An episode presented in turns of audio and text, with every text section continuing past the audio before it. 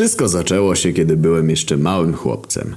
Chaos przyszedł niespodziewanie i po dziś dzień zastanawiam się, czy można było tego uniknąć.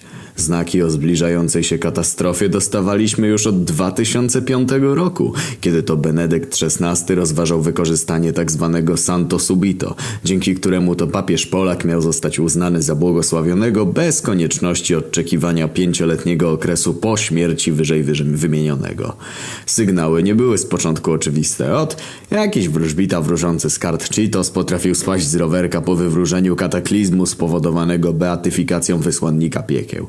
Z upływem lat pojawiało się coraz to więcej przesłanek, że sytuacja staje się kryzysową. Jednak media milczały. Aż do ostatniej chwili, a kiedy się odezwały, nie było już ratunku. Dzień nie zapowiadał żadnych rewelacji. Wstałem, zjadłem śniadanie i ogarnąłem wszelkie podstawowe obowiązki. Nie pamiętam dokładnej godziny, jednak przechodząc obok salonu zostałem zawołany przez babcię. Ani on, weź no przyjdź mnie tu i telewizora podgłośnij, bo coś ważnego u tych Rzymianów tam robią. Nie ociągając się, podbiegłem do stolika, poprawiłem klapkę od baterii i na życzenie babci podgłośniłem odbiornik. To, co się tam odjebało, to ja nawet nie. Kamery krążyły po placu Świętego Piotra, a z balkonu papież odprawiający mszę zaczyna wygłaszać, iż Karol Wojtyła oficjalnie zostaje beatyfikowany i błogosławiony. Tłumy wierzących zaczynają wiwatować, gdy nagle ziemia zatrzęsła się i rozstąpiła pod nogami wiernych, którzy to masowo zaczęli spadać we wrzącą czerwień. Wszyscy, którzy jeszcze trzymali się na nogach, uciekali w popłochu, a całe grono patriarchalne w przerażeniu obserwowało dzieją się na ich oczach wydarzenie. Nie miałem pojęcia, co się odkurwia. Wszystko działo się tak szybko. Matka, która do tej pory gotowała bigos, widząc całe zamieszanie, przybiegła do salonu i kazała pakować najpotrzebniejsze rzeczy. Zesrany jak jasny chuj. Usłuchałem. Po jakichś pięciu minutach miałem pod ręką trzy pary bielizny, bluzę i peceta z zestawem gier. Matka uderzyła mnie z liścia i kazała zostawić komputer. Żegnaj pececiku, pomyślałem odstawiając go. Po odłożeniu balastu, który przez ostatnie pięć jebanych lat był moim jedynym oknem na świat, podniosłem wzrok na babcię. Trzęsła się w fotelu jakby dostała ataku padaczki. Torsje były tak silne, że upuściła trzymane na kolanach szydełka. Aż nagle wszystko zamilkło. Spojrzałem mamie w oczy, a później oboje wróciliśmy wzrokiem na staruszkę. Nie minęła chwila, a babcia uniosła się i demonicznym głosem zaczęła przerażające śpiewanie barki od tyłu, po czym rzuciła się na nas jak ksiądz na ministranta w pustym kościele. Po krótkiej przepychance udało nam się przycisnąć ją do ziemi i skręcić kark. Tak, to była jedyna opcja, jaką wtedy widzieliśmy. Dalej słyszę ten chrzęst kości porównywalny z upadnięciem tyłkiem na paczkę chrupek. Wraz z równie przerażoną co ja matką pobiegłem w dół klatki schodowa i po kilku minutach autystycznego truchtu przez spowite paniką miasto dotarliśmy do centrum, a z niego zeszliśmy do odgrywającego kluczową w tej historii rolę warszawskiego metra. Mimo przerażenia czułem swoisty dreszczyk emocji. Wiecie sami, całe dzieciństwo spędzone na strzelankach i pierwszych falloutach czy czytanie Glukowskiego wniosło do mojej młodej głowy wizję zostania zajebistym stalkerem lub czymś na ten wzór. Już widziałem te wszystkie epickie batalie, w których będę brał udział, a kobiety będą wręcz kłębiły się wokół. Chuja tam, nadal nie odgrywam żadnej znaczącej roli w naszej podziemnej społeczności. Żyję z dnia na dzień jak jebany pasożyt. Matka po kilku miesiącach padła na jakieś tałatajstwo. Dalej nie wiem, czy to choroba weneryczna od losowego gościa, z którym to baraszkowała po nocach, myśląc, że nie słyszę, czy może przez powszechny syf panujący w metrze. Z czasem po prostu przestałem o tym myśleć. Ani on, kurwa, wstawaj do cholery! Obudził mnie stryj Szczepan. Weno, młody, kilka obrazków z komody i skoczże do Witalia po kremówki, bo w lodówce nic nie ma. Tak, pudełko na lód, w którym od 1999 nie było choćby kostki lodu, to naprawdę świetna lodówka, a przynajmniej według stryja. Dobrze, już dobrze, tylko się ubiorę. Powiedziałem w miarę spokojny, jak na fakt, że przez darcie pizdy tego debila zajebałem głową o górną część łóżka piętrowego. Po niespełna kilku minutach byłem gotowy na wyjście. Spojrzałem na szwendającego się po domu stryja Szczepana, który tak jak każdego ranka od 10 lat czytał z wystającym językiem ten sam egzemplarz Auto Światu. Bez dłuższej zwłoki wyjąłem z szuflady dwa obrazki z wizerunkami świętych. Jeden miał na sobie Jadwigę Andegaweńską, drugi zaś był już na tyle wytarty, że chyba nikt nie rozpozna, kogo on tak naprawdę przedstawia.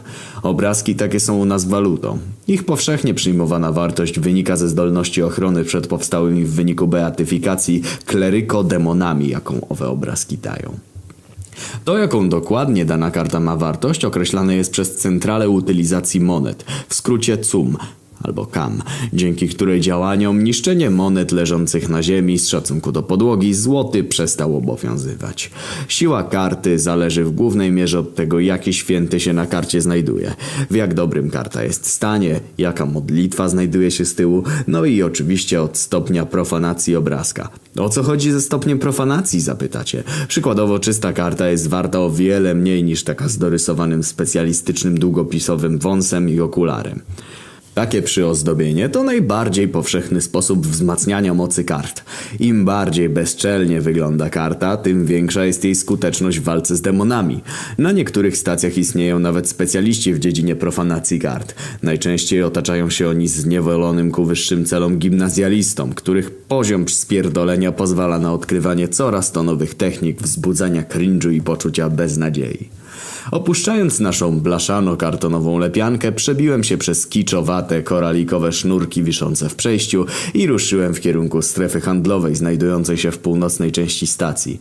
Idąc przed siebie minąłem znane mi widoki. Baraki, wokół których krążyli mieszkający w nich sąsiedzi, podniszczone duchem czas ławki, dzieciaki grające w klasy, urozmaicone tak, że zamiast zwykłych skoków przemieszczały się susami na styl tańca Fortnite i wiele, wiele innych.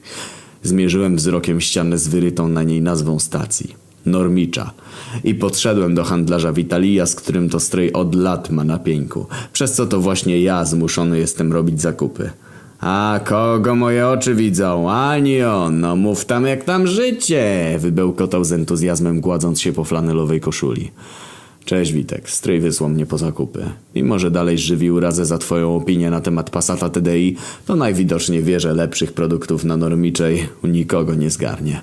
Ha, otóż to młody. No to mów czego ci tam potrzeba, bo zaraz muszę się zbierać. Krążą plotki, że po z Wykopowickiej wydostał się jakiś rikczowiec. Podobno sytuacja nie jest u nich najlepsza i biedaczyna zmuszony był wyjść na powierzchnię, by ominąć zawalony tunel i szukać pomocy w sąsiednich stacjach. Wykopowicka to stacja na drugim końcu linii metra. Jakieś 10 lat temu doszło do incydentu związanego z wypowiedzeniem Jan Paweł II nie jebał małych dzieci, który to doprowadził do zawalenia się tunelu i pogrzebania wielu rikczowców. Do tej pory nie widziałem żadnego z nich, nie było po prostu ku temu okazji, gdyż zawsze uzupełniali zapasy na sąsiednich stacjach. Jednak z doniesień Witalia, odkąd wolnościowa w wyniku ataków grup konspiracyjnych przekształciła się w czwartą rzeszę równouprawnioną, zamieszkałą przez 90% przez imigrantów i trzecią płeć, których to głównym źródłem dochodu stało się zastraszanie sąsiednich stacji i zbieranie haraczu nazywanego przez nich socjalem, handel z tą stacją zakończył się z dnia na dzień. Cholera, faktycznie sytuacja nie prezentuje się zbyt ciekawie. Powiedz mi jednak, po co na niego czekasz? Przyznaj, na pewno masz w tym jakiś interes, zaryzykowałem. A oczywiście, że mam interes. Takie jest życie. Trzeba łapać się co popadnie, żeby związać koniec z końcem. Jeśli ja się nim nie zajmę, to zrobi to ktoś inny, a wtedy kasa przechodzi koło nosa. Uniósł się Witali. A, rozumiem. W takim razie powodzenia z tym rikczowcem, czy jak mu tam. Od słowa do słowa wróciliśmy do transakcji. Witali w zamian za obrazki dał mi kilkanaście wczorajszych kremówek, kilka wychudzonych szczurów na kiju i butelkę zaganiacza. W drodze powrotnej zatrzymałem się na chwilę u mojego przyjaciela Racimira, któremu to za przegrany zakład winien byłem flaszkę kramowkowej. Przywitał mnie z otwartymi ramionami i zaproponował nocną libację. Rzecz jasna, zgodziłem się. Zegary na naszej, jak i najpewniej wszystkich pozostałych stacjach nie działają już od kilku lat. Pewnego wieczoru po metrze przeszło niewyjaśnione do dzisiaj trzęsienie ziemi, w wyniku to którego siadła większość urządzeń elektrycznych. Niektóre udały się już naprawić, jednak zegary jakby na zawołanie stanęły na godzinie 21.37. I tak to sobie wiszą od cholera wie jakiego już czasu. Godzinę określamy teraz dzięki masywnym klepsydrom wytopionych z butelek po flaszkach. Każda stacja ma jedną taką klepsydrę w samym centrum, a wyżej wymieniona jest obsługiwana przez wyszkolonych do tego pracowników majstrów. Co godzinę od 6 do 22 na całej stacji rozlega się krzyk, najczęściej schylanego operatora klepsydry, który informuje o godzinie. Oczywiście godziny te są dość umowne. Doba trwa o wiele krócej, jednakże nikomu to nie przeszkadza. W końcu kogo obchodzi to, czy na powierzchni jest słońce czy księżyc, skoro i tak mało kto tam przebywa. A ci wyjątkowi, którzy rezydują w fortach na górze, czerpią wiedzę z zegarów słonecznych. Wracając jednak do nocnej imprezy z Racimirem, w międzyczasie wyciągnąłem spod materaca jedną ze schowanych na czarną godzinę kart i zakupiłem u Witalia jeszcze dwie butelki sikacza, które schowałem we wnęce pod barakiem mistry, aby poczekały na swój moment. Gdy pijany operator klepsydry wykrzyczał dwu... dwudziesta pierwsza... Odczekałem chwilę, żeby upewnić się, że stryj na pewno się obudził i stąpając na palcach opuściłem barak. Na moje oko nie minęła nawet godzina, ja, Racimir i Dajka byliśmy już ostro wstawieni. Najmocniej uderzyło Dajkę, który to co chwila wychodził za mieszkanie, żeby zwymiotować na torowisko. Znikał tak od pół godziny, wracał na minutę czy dwie, oznajmiał, że czuje się chujowo i znowu wracał do wymiotowania na klęczkach. Kiedy wyszedł tak już piąty raz, Racimir zaczął Ach, się schlałem, Anion. Świat mi wiruje. Cholera, stary, nawet nie gadaj. Przecież jak podniosę się z tapczanu, to skończę leżąc obok dajki. W ogóle to... Tu przerwałem przez czknięcie. Witalij mówił coś o jakimś rikczowcu, który idzie w kierunku Normiczej. Podobno na Wykopowickiej dzieją się ostre inby. Wiesz może coś więcej o tej całej sprawie? Pewnie. Cała stacja huczy o tym od kilku dni. Jakim chujem dopiero teraz się dowiedziałeś, jak spałeś przez ten cały czas?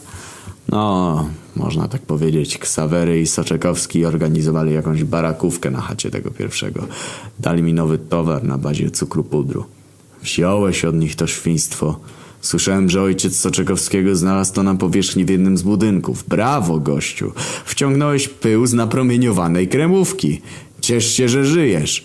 Słyszałem o takich, którzy spadali potem z rowerka. Dobra, Pieprzyć tę kremówkę, mów co wiesz o rikczowcu. Wykrzyczałem po stuknięciu kolejnego kubka wódki. Z tego co mi wiadomo, to po tunelach w tamtej okolicy rozchodzą się ostatnio nasilone dźwięki i zapachy. Chodzą plotki, że kiedy tunel się zawalił, to uszkodził rurę kanalizacyjną biegnącą w tamtym rejonie i że opary, które kumulowały się pod gruzami przez całą dekadę, w końcu się uwolniły i zaczęły mącić im w baniach. Ile w tym prawdy, no sam nie wiem, ale dopóki nie doleci to do nas, to gówno mnie to obchodzi. Tu się zaśmiał. Łapiecie, gówno go to obchodzi, bo kanalizacja. Mniejsza. Rozmawiałem z nim do białego rana. Około siódmej rano wrócił do nas skacowany Dajka, który zasnął nad torowiskiem. Reszta rozmów nie oscylowała już wokół tajemniczego przybysza. Skupiliśmy się na pijackich gadaninach, tym jakbyśmy się nie pieprzyli z kobietami z sąsiednich stacji, bo u nas to same brzydkie i nie ma w czym wybierać, ta. Chuja tam, tłumaczenie każdego przegrywa. Rola naszego stulejarstwa jest tutaj znikoma, więc nie będę się nad nią specjalnie rozwodził. Ważne jest to, że mogliśmy się odprężyć, wygadać i odpocząć przed kolejnym pracowitym dniem. Gdy wybiła ósma rano, tak jak każdego dnia musiałem iść do pracy, to dość oczywiste, że każdy obejmuje tutaj jakąś rolę. Darmozjadów nie potrzebujemy, takie są zasady. Każdy ma włożyć do społeczności coś od siebie, a ja nie byłem wyjątkiem. Moim zadaniem było dbanie o czystość toalet i podłóg na terenie strefy czyszczenia. Chyba spierdolenia. Bez zbędnej zwłoki wyszedłem od Racimira i ruszyłem prosto w kierunku miejsca powinności. Uwierzcie mi, nie ma czego opisywać. Mimo apokalipsy i ogólnej atmosfery przytłoczenia, ludzie byli jebanymi zwierzętami i są nimi nadal. Pokuszę się nawet o stwierdzenie, że spora część mieszkańców stacji uwolniła swoje prawdziwe ja dopiero po katastrofie. Toalety czyszczone są codziennie, a mimo wszystko każdego dnia jest kurwa to samo. Otwierasz drzwi, a do twojego nosa dolatuje cała zawartość tablicy Mendelejewa i to w wersji extended. Maski z filtrem, których używają na powierzchni i dzięki którym są w stanie przetrwać. W tym miejscu podwójnie opuszczonym przez Boga, jakim jest toaleta, te maski chuja dają. Całe sprzątanie opiera się o umiejętne wyliczanie pojemności płuc i dystansu od drzwi do toalety, za którą się muszę zabrać w następnej kolejności. Po kilku godzinach walki z zapchanymi sedesami koszami, z których wysypują się zmywaki do naczyń służące obecnie za podpaski i innym obrzydliwym ścierwem, którego wymieniania wam daruję, udało mi się zakończyć pracę. Po opuszczeniu toalety oniemiałem. Na drugim końcu stacji dostrzegłem mężczyznę w nietypowym pancerzu. Tak, to na pewno Rikczowiec. Z entuzjazmem podbiegłem do niego, by się przywitać i wypytać o szczegóły dotyczące jego podróży. Ten jednak spojrzał z obrzydzeniem na moją ubrudzoną fekaliami twarz i przez emanujący ode mnie zapach zwymiotował. Mimo usilnych przeprosin kazał mi spierdalać. Mówi się trudno. Kilka godzin później, gdy byłem już czysty, Rikczowiec wciąż krążył po stacji. Udało mi się dostrzec, jak gada z jednym z moich rówieśników. Zakradłem się i nasłuchiwałem. Mówił mu coś o tym, że jeśli nie wróci za ileś tam czasu, bla bla bla, to ma się udać na hydrauliczną i prosić o pomoc z problemem panującym na Wykopowickiej. Dostrzegłem tu swoją szansę na przeżycie przygody, jednak wiedziałem, że stryj na pewno bez robienia problemów nie pozwoli mi dołączyć do takiej wyprawy. Żeby go przekupić, poświęciłem całe pięć obrazków ze świątyni i zaopatrzyłem się w egzemplarz Auto Światu z rocznika 2009, o którym to marzył odkąd tylko pamiętam, ale na którego to zawsze szkoda mu było wyłożyć karty. Z przygotowanym w głowie monologiem wszedłem do baraku już prającego Szczepana. Stryju, stryju! Wykrzyczałem do wąsacza leżącego w rogu izby. Co, co je, on? A, żeś mnie wystraszył, czego chcesz? Spójrz no, spójrz no, co dla ciebie przyniosłem. Z uśmiechem wyciągnąłem dłoń. Co takiego mogłeś mi... O jasny chuj! Rocznik 2009, skąd żeś to wziął? Przechodziłem obok straganów i pomyślałem, że może ci się spodobać. No niechże cię uściskam, młody! Ha, ha! Odkrzyknął z entuzjazmem i przez bez zwłoki zaczął przeglądać gazetę. Stryju, mam do ciebie sprawę. Sam wiesz przecież, trochę lat już mam na karku i chciałbym spróbować czegoś nowego. Wiesz, że jestem odpowiedzialny i poradzę sobie wszędzie. Moje pytanie brzmi: pozwolisz mi ruszyć na hydrauliczną? Chcę pomóc odległej stacji. Myślę, że moja wiedza pomoże rozwiązać ich problem. Poza tym chcę poznać trochę świata. Nigdy nie wyszedłem dalej niż na dwusetny metr za normiczą. Nie ma mowy, nie! Uniósł się wciąż czytając gazetę. Nigdzie nie idziesz, w domu możesz pomagać. Masz tu swoje obowiązki i masz brać za nie odpowiedzialność, zrozumiano? Nie będę całe życie taplać się w odchodach jebanych normików. Twoje niedoczekanie, stryju. Stolpy z gówniarzu i do pokoju, ale już! Tu nie ma pokojów! Mieszkamy w jebanym baraku nie większym niż 5 metrów kwadratowych. Nie dyskutuj, bo pożegnasz się z wypłatami. Wszystko ci będę konfiskować. Nigdzie nie idziesz i kropka! Ja tak mówię i tak ma być. Tutaj nagle urwał. Jego ręce zaczęły się trząść i upadł na posadzkę. Stryju, Stryju, co ci się dzieje? Zapytałem przerażony jego stanem. Ja żem cztery lata na nie zbierał! Volvo S60R wycofali z produkcji! Wykrzyczał ostatnim tchnieniem i padł głową na posadzkę. Nie wiem po dziś dzień, co się wtedy odjebało. Stryj umarł na wewnętrzne rozpierdolenie się totalne. Świat pogrążył się w apokalipsie. Wszędzie pełno piekielnych istot, a stryj przekręcił się, bo nie wiedział, że jeszcze przed klęską świata wycofano z produkcji jakieś auto, na które odkładał hajs. No cóż... Teraz już nikt mi nie zabroni iść. Spakowałem manatki i oddychając pełną piersią opuściłem barak. Wypiąłem się niczym super bohater. Przypomniałem sobie, że gość, z którym gadał Rikczowiec wyrusza dopiero jutro i to jeszcze w okolicznościach jeszcze, jeśli tamten nie wróci. Zawróciłem się więc do domu i cierpliwie czekałem. A no i jeszcze martwemu stryjowi puściły zwieracze, więc zawód klozeciarza dopiąłem w całkiem niezłym stylu.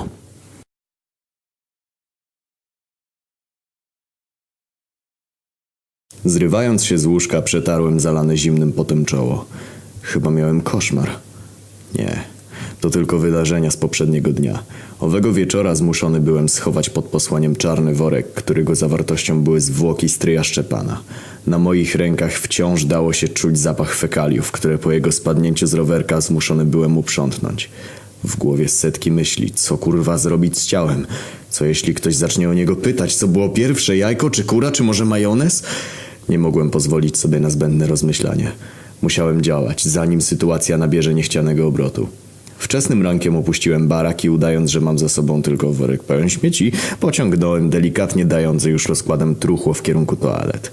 Ku mojemu zdziwieniu nie wzbudziłem tym niczyich podejrzeń. Zamknąłem drzwi wejściowe, czytaj dużym kawałkiem kory drzewnej zasłoniłem przestrzeń, w której powinny były się znajdować drzwi, ale oczywiście kilka tygodni temu jakiś spec postanowił je sobie zajebać na własny użytek. Mniejsza. Praca musiała wreć. W toaletowym schowku skryte były teflonowe kanistry z kwasem fluora antymonowym. Nie pytajcie w jakim celu, bo sam nie mam pojęcia i zakupiona na sąsiedniej stacji w celach obronnych maczeta. Służyła ona przede wszystkim do zdrapywania pleśni, zdejmowania pajęczyn, no a w skrajnych przypadkach do walki z raz na jakiś czas wychodzącymi z klozetu mackami demonicznych klerów zbierających na tacę. Odsunąłem suwak od worka, wskutek czego przede mną odsłoniło się białe niczym rękawiczki polityków lico stryja Szczepana. Niby mogłem po prostu iść do zarządu normicze i zgłosić zgon, ale potem jest tyle jebania z papierkologią, że zmuszony byłem do nieco radykalniejszych działań.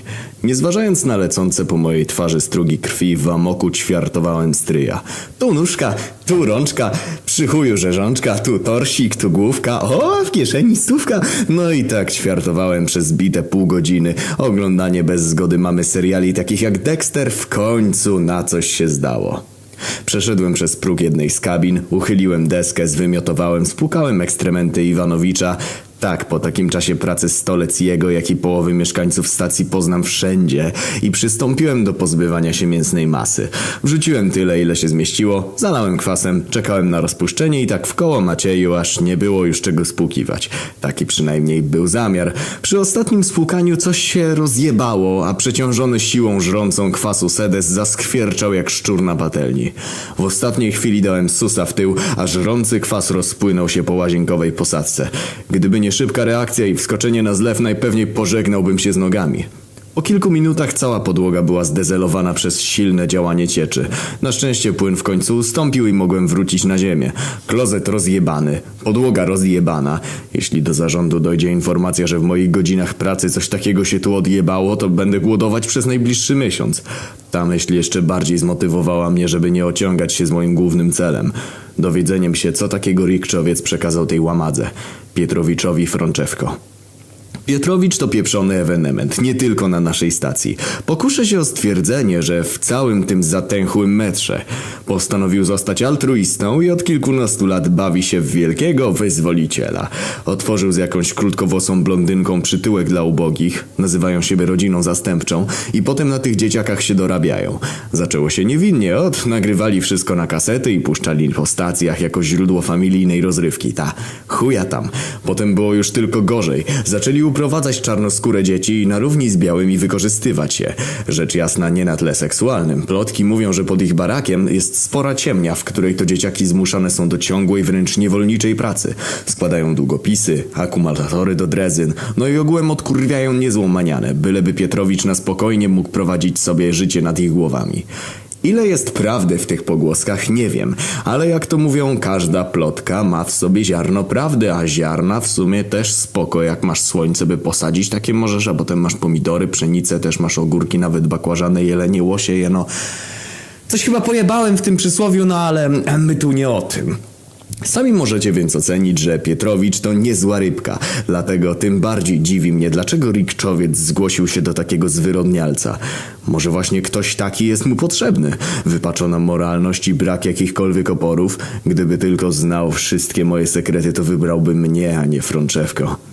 Będąc w dupie przez zdezelowanie łazienki, nic już nie trzymało mnie, żeby zostać tam dłużej.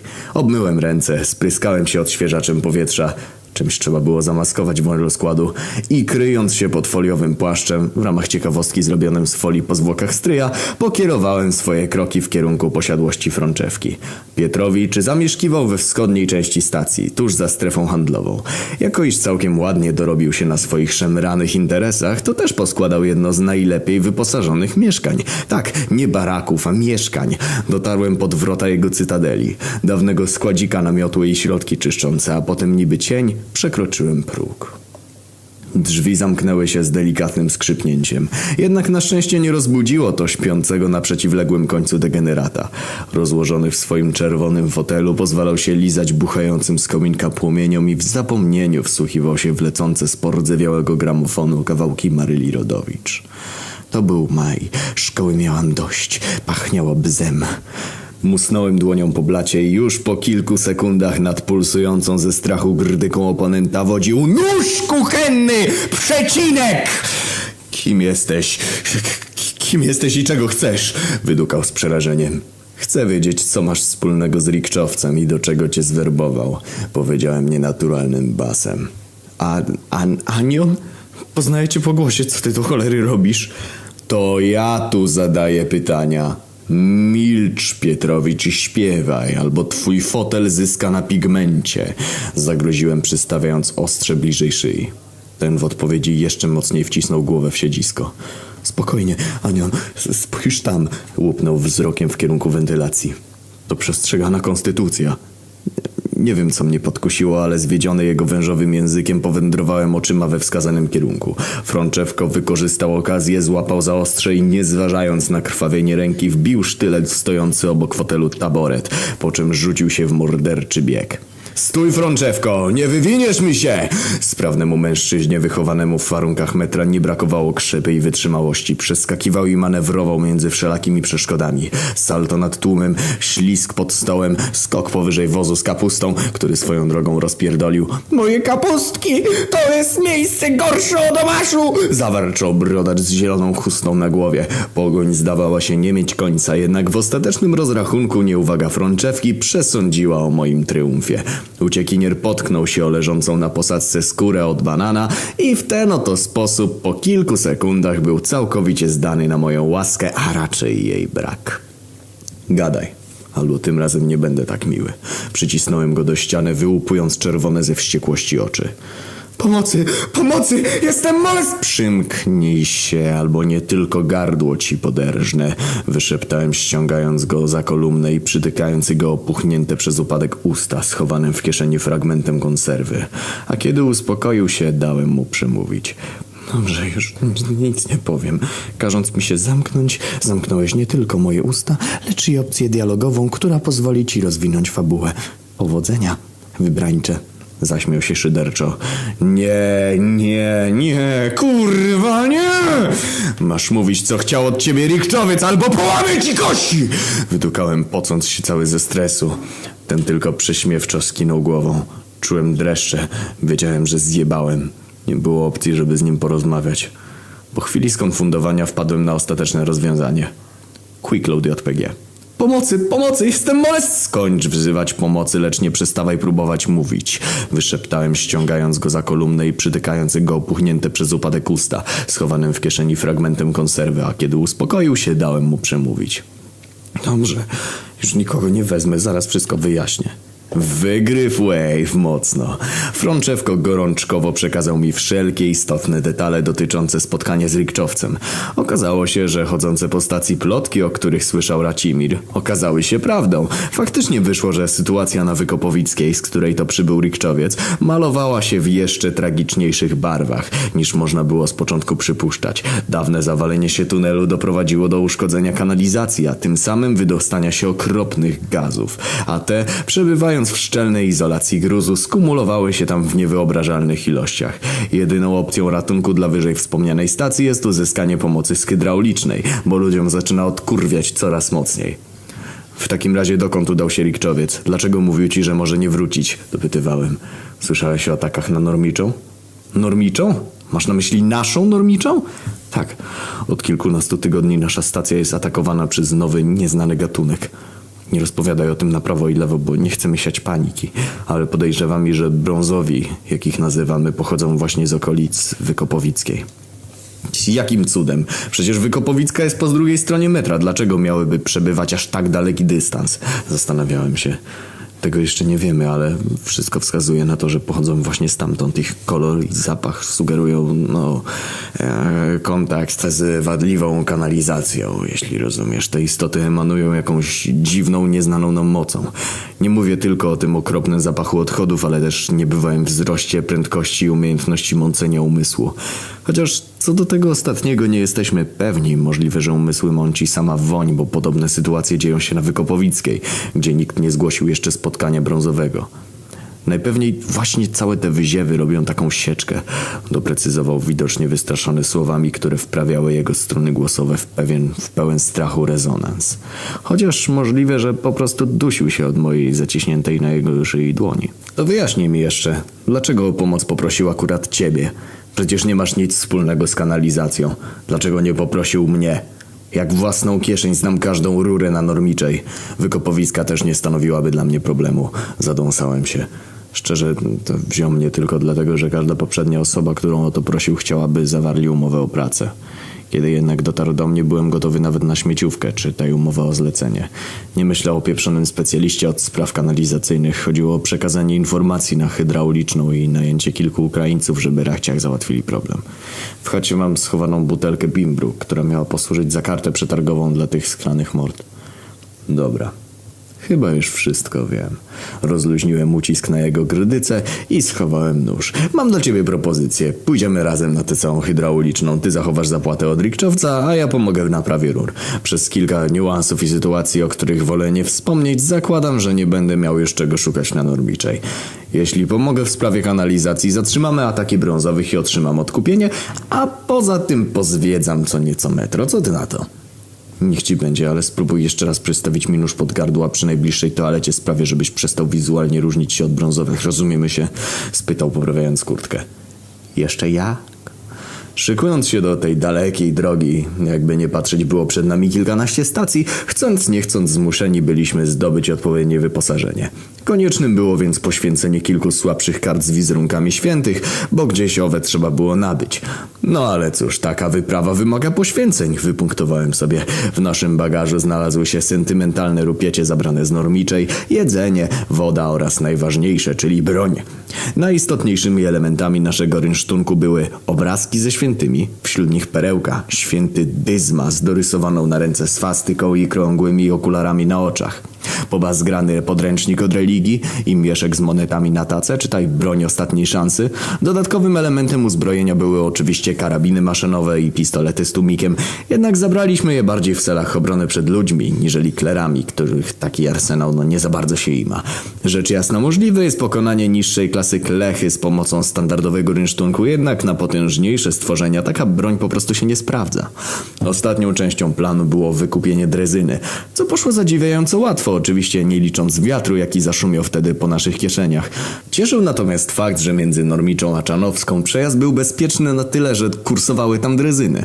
Jak już siedzieliśmy w tej drezynie pasażerskiej, to by tam taki Paweł i jechałem z Frączewkiem i jak go spotkaliśmy i potem jeszcze po drodze pojechaliśmy na Czanowską na szczury na patyku i po drodze wtedy jeszcze już w kierunku hydraulicznej poszliśmy. Opuszczenie Czanowskiej nie było jednak tak proste, jak z początku się spodziewaliśmy. Docierając na miejsce zapłaciliśmy przewoźnikowi, wysiedliśmy w pośpiechu, okazało się, że nieco się przeliczyliśmy i nie było nas stać na dalszą jazdę. Dwadzieścia obrazków, nie pięć, należy, wyartykułował przewoźnik.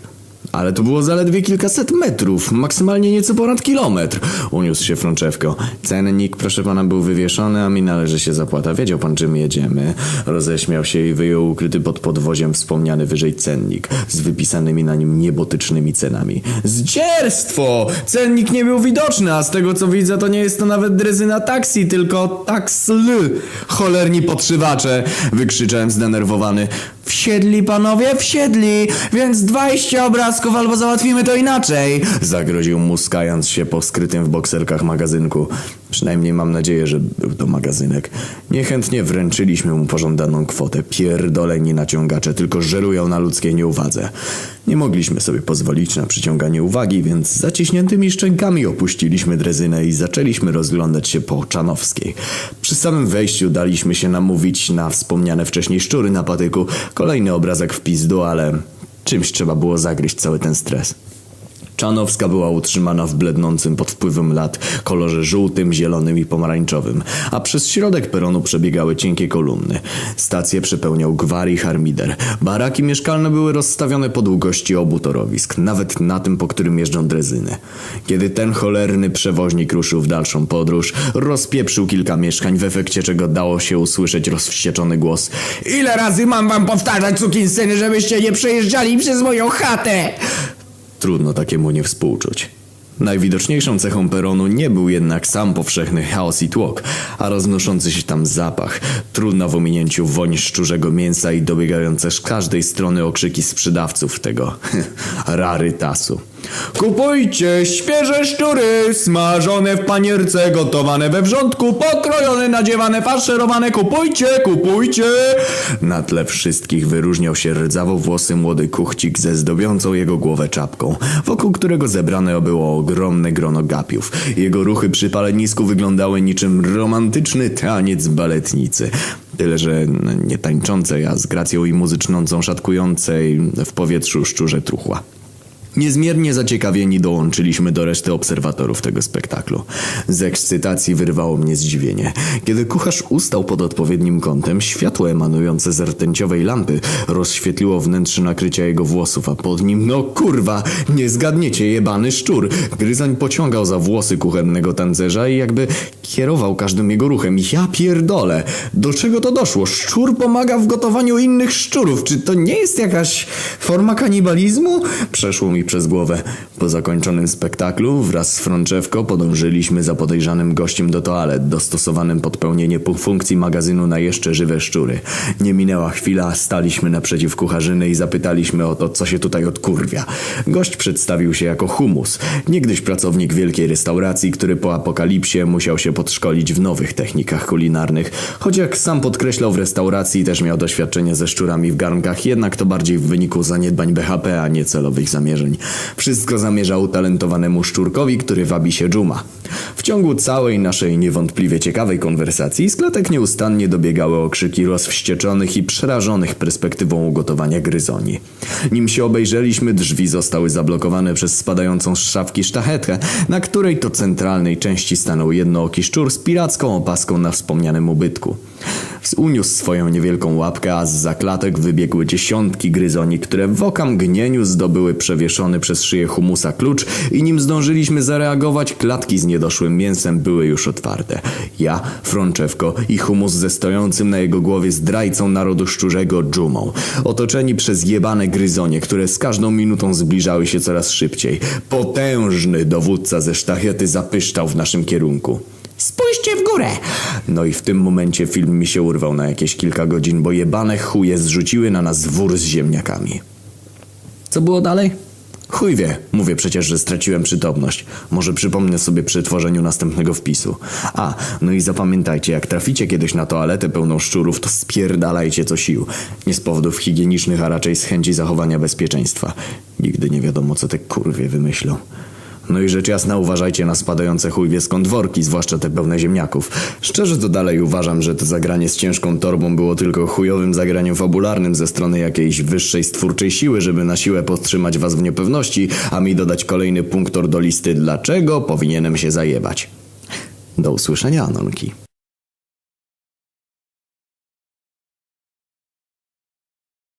Witamy w Szczuropolis. Usłyszałem chwilę po przebudzeniu się. Niestety nie dane mi było długo nacieszyć się stanem otrzeźwienia, gdyż zwieńczeniem wypowiedzi umięśnionego gryzonia był bolesny cios w twarz, który powalił mnie na wilgotną posadzkę. Dość tego! Zostawcie go, a teraz precz! No, już, wstawaj. Szczur z hiszpańskim wąsem wyciągnął nam znak rękę. Nie tę, w której trzymał butelkę tequili, a tę z naderwanym palcem. Dzięki za pomoc. Kim jesteś? Zapytałem wybawcę. Nazywam się Quegio. Jestem, nie interesuje mnie kim jesteś. Jesteś tu nowy, a do mnie należy... W sumie nic do mnie nie należy. Nie mam tu żadnych obowiązków. Jestem więźniem politycznym, ser Chizia Jednookiego. Kogo takiego? Zaciekawiłem się. Nie słyszałeś o Chiziu Jednookim? Dopytał Quegio, wygrzybując fragmenty sera Golda z jego pokaźnego zarostu. No nie słyszałem. Gdybym słyszał, to bym nie dopytywał, chociaż... Zaraz.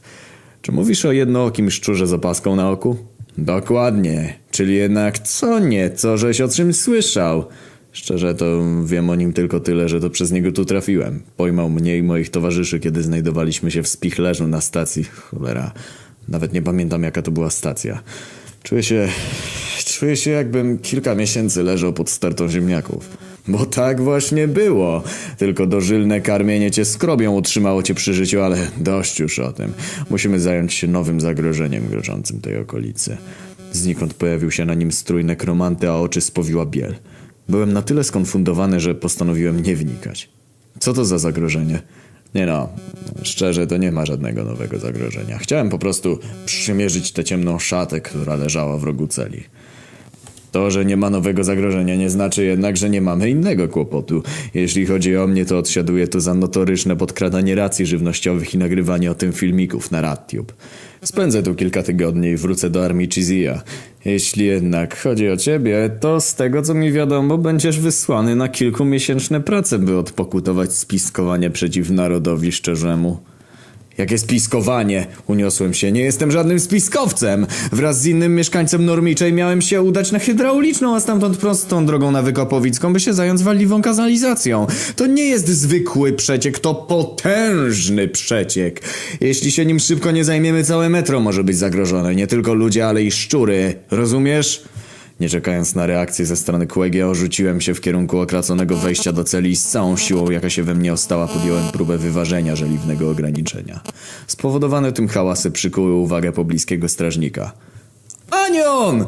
Usłyszałem z sąsiedniej celi. Tak, to ewidentnie był głos Frączewki.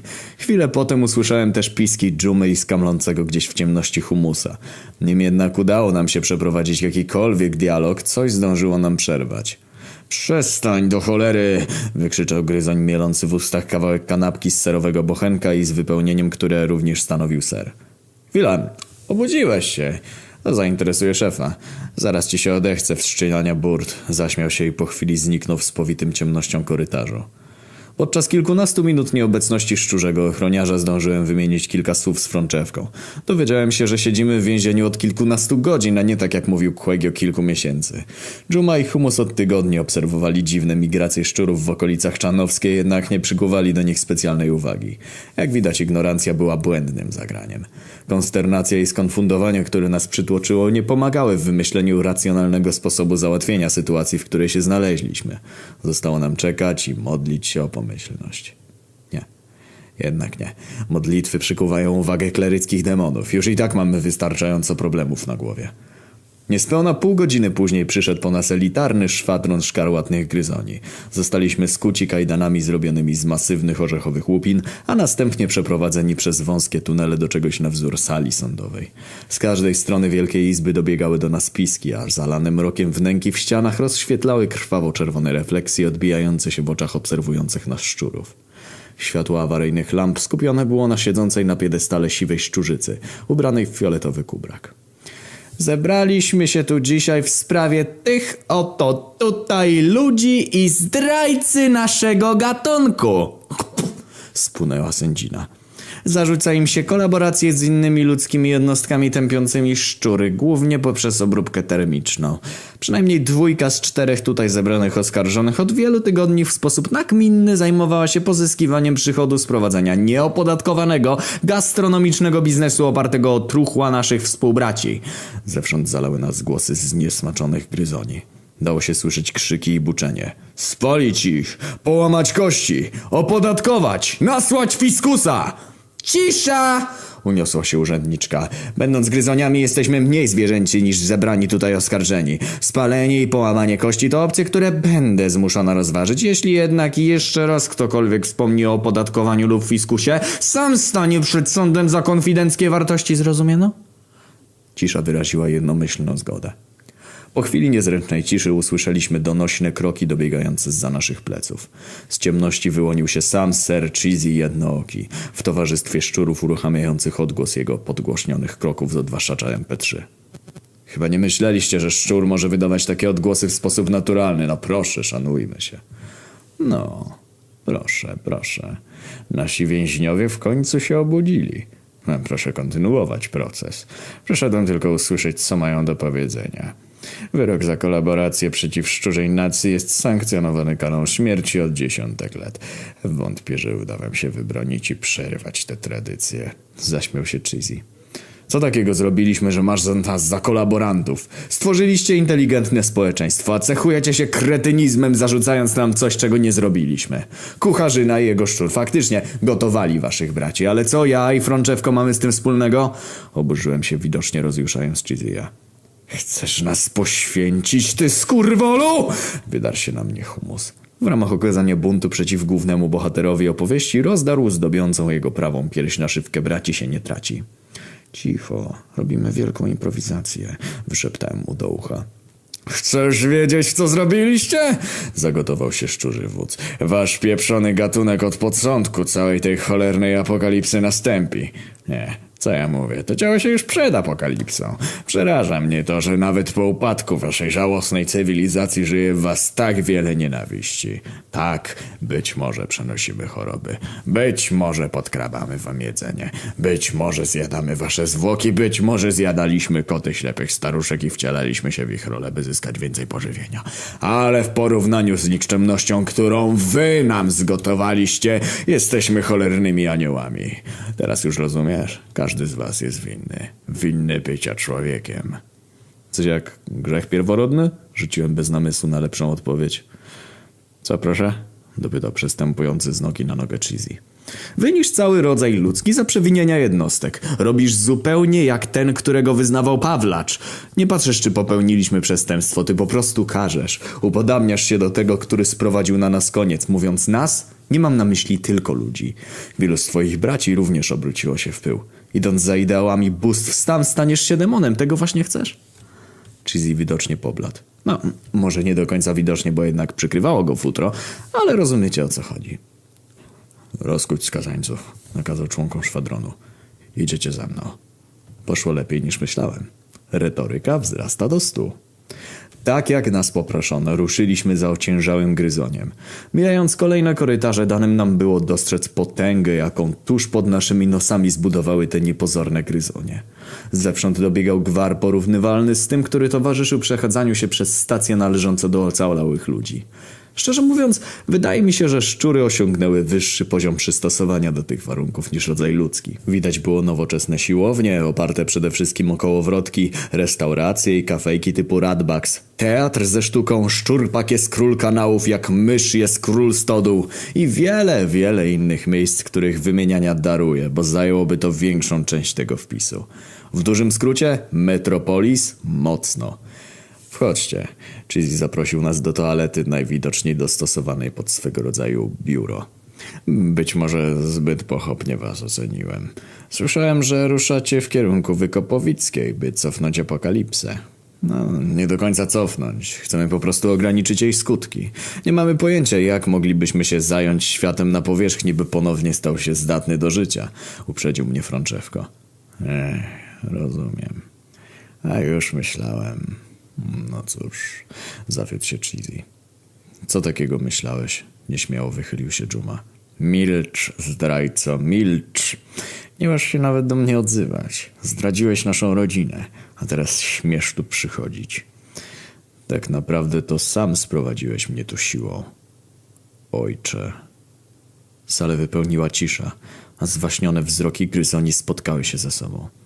Trudno to wyjaśnić, ale dało się odczuć, jak napięcie między nimi w magiczny sposób opada. Synu, zaszlochał Cheesy i przytulił dżumę. Dlaczego od nas odszedłeś? Dlaczego pomogłeś w wybiciu tak wielu naszych braci? Nie przyczyniłem się do śmierci żadnego z naszych, ojcze. Razem z humusem łapaliśmy tylko outsiderów i świadków szczurchowy. O, cóż, co zmienia postać rzeczy. Cieszę się, że poprzez swoje pozornie nikczemne działania przyczyniłeś się do poprawy tego zatęchłego świata. Jednak nadal nie rozumiem, dlaczego nas opuściłeś. Było ci tu przecież tak dobrze. To nie ma tak, że dobrze albo że niedobrze. Gdybym miał powiedzieć, co irytowało mnie tu najbardziej, powiedziałbym, że nienawiść do ludzi. Nawet ludzi takich jak Humus, którzy podali mi pomocną dłoń, kiedy sobie nie radziłem, kiedy byłem sam. I co ciekawe, to właśnie przypadkowe spotkania wpływają na nasze życie. Chodzi o to, że gdy wyznaje się pewne wartości, nawet te dotyczące ograniczenia eksterminacji gatunku ludzkiego, bywa, że nie znajduje się zrozumienia, które by tak rzec, które pomaga walczyć nam ze skutkami apokalipsy. Ja miałem szczęście, by tak rzec, ponieważ znalazłem inne powołanie i chcę pomóc ludziom. Ludzie to śmierć, ludzie to chcąc, chodzący za kalec ewolucji, ludzie to zakłanność. Wielu szczurów takich jak ty, ojcze, pytało mnie o to samo, ale jak ty to robisz, jak ograniczasz nienawiść do ludzi? A ja odpowiadam, że to proste. To nienawiść do klerycznych demonów chodzących po powierzchni. To właśnie ona sprawia, że dzisiaj na przykład eksterminuje szczury kibicujące arcegdyni, a jutro kto wie, dlaczego by nie oddać się pracy społecznej i będę od choćby chodzić na protesty dotyczące eutanazji. To ma sens. Rozumiem cię, synu, i przebaczam ci. Jednak ci tutaj ludzie, nie mam pojęcia, co z nimi zrobić. Puść nas wolno. Sam widzisz, że nie jesteśmy wam wrodzy. Jeśli weźmiesz pod uwagę fakt, że chcemy zająć się ocaleniem metra, to powinieneś uznać nas nawet za swoich sprzymierzeńców. Trafnie zauważył Frączewko. No, niby coś w tym jest, ale jednak nie mogę dać wam tak po prostu odejść. Możecie być przydatni dla szczurzej sprawy. Podążając za mną do tego oto biura, widzieliście przede wszystkim dostatek panujący wśród naszego narodu. Jednak to, co dostrzegliście, było tylko wycinkiem naszej społeczności. Szczury z niższych warstw społecznych borykają się z głodem. Ludzie przenieśli na nas choroby, których nie jesteśmy w stanie uleczyć, a śmierć jest tu na porządku dziennym. Naszym jedynym ratunkiem jest zdobycie leków i pożywienia innego niż cholerny ser. Taki można znaleźć tylko na powierzchni. Nie ma mowy! Nie wychodzimy na powierzchnię, przerwał mu Frączewko. Przykro nam, że borykacie się z takimi problemami, jednak nie możemy wam pomóc, to zbyt ryzykowne. Kleryckie demony zawładnęły całym zewnętrznym światem, a poza tym nie mamy nawet skafandrów chroniących przed promieniowaniem nawrócenia. Ale my mamy. Kilkanaście sztuk takich pancerzy znajduje się dosłownie parę metrów stąd. Jestem wodzem tego oddziału. Nie pozwólcie nam polec. Błagam was do cholery, nie pozwólcie nam na to! Zaszlochał Cheesy zdejmujący przy tym opaskę z oka. Frączewko, przemyśl to. Pomożemy i my potem ruszymy dalej. Nie potrzebujemy kolejnego wroga. Jeśli szczury na innych stacjach o nas usłyszą, będziemy mieć kolejnego sojusznika, prawda, Chizio? Tak, jeśli nam pomożecie, gwarantuję, że wieść o waszej szlachetności rozniesie się wśród szczurów. Równie szybko co dżuma w okresie średniowiecza. Nie zagwarantuję wam pomocy ze strony innych klanów, jednak większość z nich nie będzie się wam narzucać i przeszkadzać, a to już coś, czyż nie? Niech tak będzie.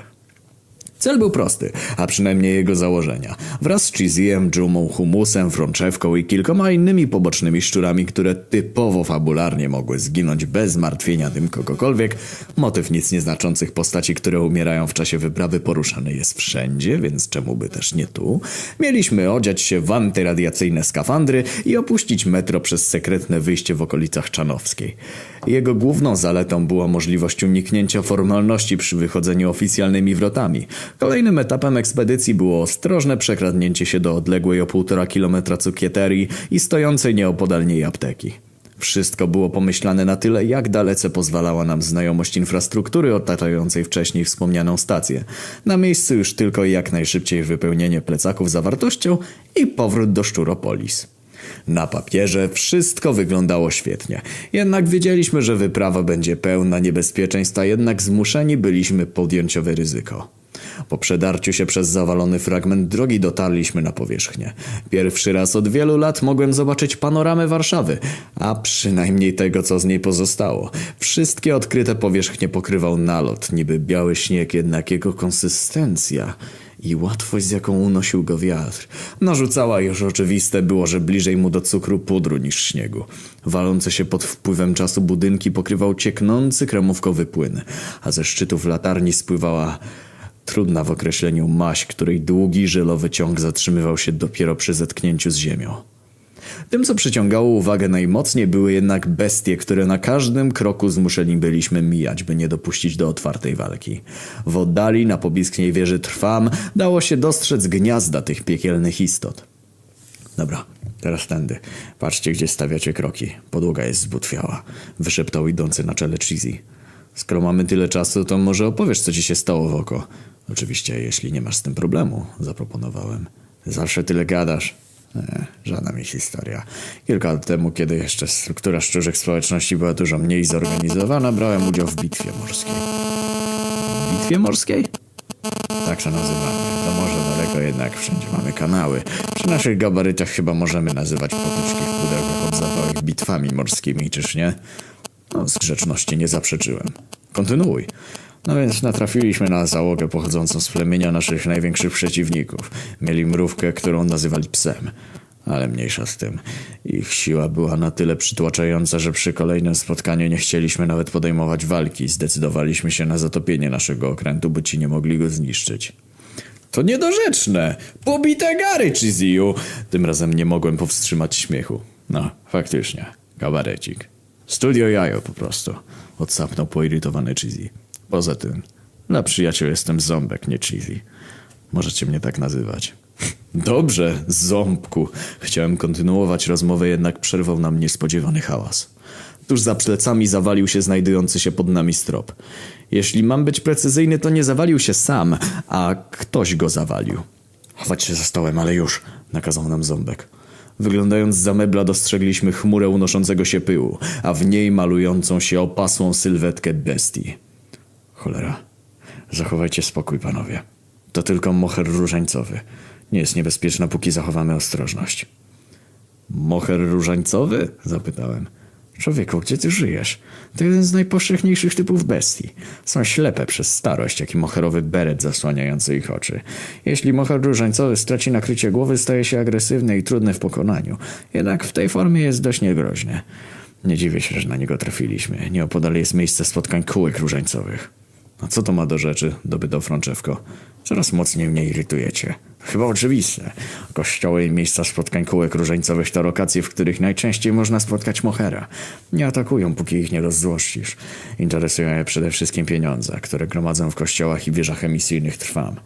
Obecnie na tle innych bestii to o nich wiemy najwięcej, więc słuchajcie się mnie, a bezpiecznie opuścimy budynek. Idąc za wskazówkami ząbka udało nam się wyjść z kamienicy. Od tamtej pory oczywiste było, że musimy zachować większą ostrożność. Od apteki i cukieterii dzieliło nas już tylko kilka przecznic. Mimo iż dystans nie był ogromny, dotarcie na miejsce zajęło nam wiele godzin. Słońce powoli ustępowało z nieboskłonu i niknęło za horyzontem. Noc dawała poczucie bycia mniej widocznym, jednak zależność ta działała w obie strony i możliwym było nadepnięcie na odpoczywającego klerykodemona, co z pewnością nie było przyjemną perspektywą. Ryzyko takiej sytuacji porównałbym do obudzenia ojca, który najebany wrócił z imprezy firmowej. Wejdziemy tylnym wejściem. Tak będzie najbezpieczniej. Ząbek poprowadził nas przez ciasną alejkę, na której zwieńczeniu dostrzegliśmy wyjście awaryjne cukieterii.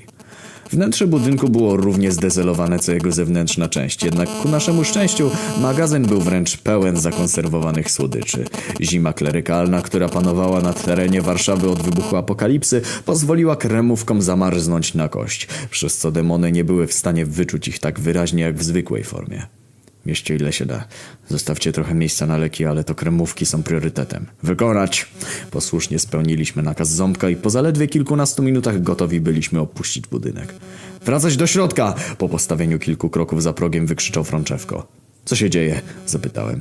Coś dużego przeleciało dosłownie kawałek ode mnie, złapało jednego z twoich ludzi, ząbku. Kurwa jego mać. Czy miał skrzydła z ciemnego materiału? Zaklął pytająco gryzeń dowódca. E, nie wiem, chyba tak. Wciąż przerażony udzielił odpowiedzi. Na pewno nas wyczuł. Uciekać do magazynu, ale już. Ale dlaczego? Co się dzieje, ząbku? Nim ząbek odpowiedział, pobliskie okno padło pod naciskiem ogromnej istoty. Materiałowe skrzydła i ogromne szpony wyrastające z rąk drapały i uderzały z ogromnym impetem. Stwór wyszczerzył złote zęby i niczym paw napiął zdobiącą jego głowę czapkę. To klerodaktyl! Do magazynu, teraz! Bestia rzuciła się na podwładnych Chizyja i w morderczym szale rozszarpała ich na strzępy. Śmierć bohaterów trzecioplanowych.mp4 Wchodząc do magazynu i zamykając włas, odcinaliśmy się od jedynej drogi wyjścia. Klerodaktyl wciąż ujadał, a my byliśmy uwięzieni. Co teraz? Co teraz, ząbku? Zakląłem pełen furii. Nie wiem, nie wiem. Bestia, słysząc papieskie frazy, zaczęła napierać na drzwi jeszcze mocniej, jednak te stały nieugięte. Nie wiemy wiele o klerodaktylach. Słyszałem jednak, że atakują tylko nocą. Musimy przeczekać, innej opcji nie ma. Obawiam się, panowie, że to może być koniec naszych przygód. Zaszlochał Frączewko. Czy faktycznie tak będzie? O tym dowiecie się w kolejnym wpisie. Jak ja kurwa kocham low quality cliffhangery ewidentnie sugerujące, że wszystko będzie dobrze, mimo że sytuacja, w której znaleźli się bohaterowie jest w chuj patowa, to ja nawet nie. Do następnego, nonki.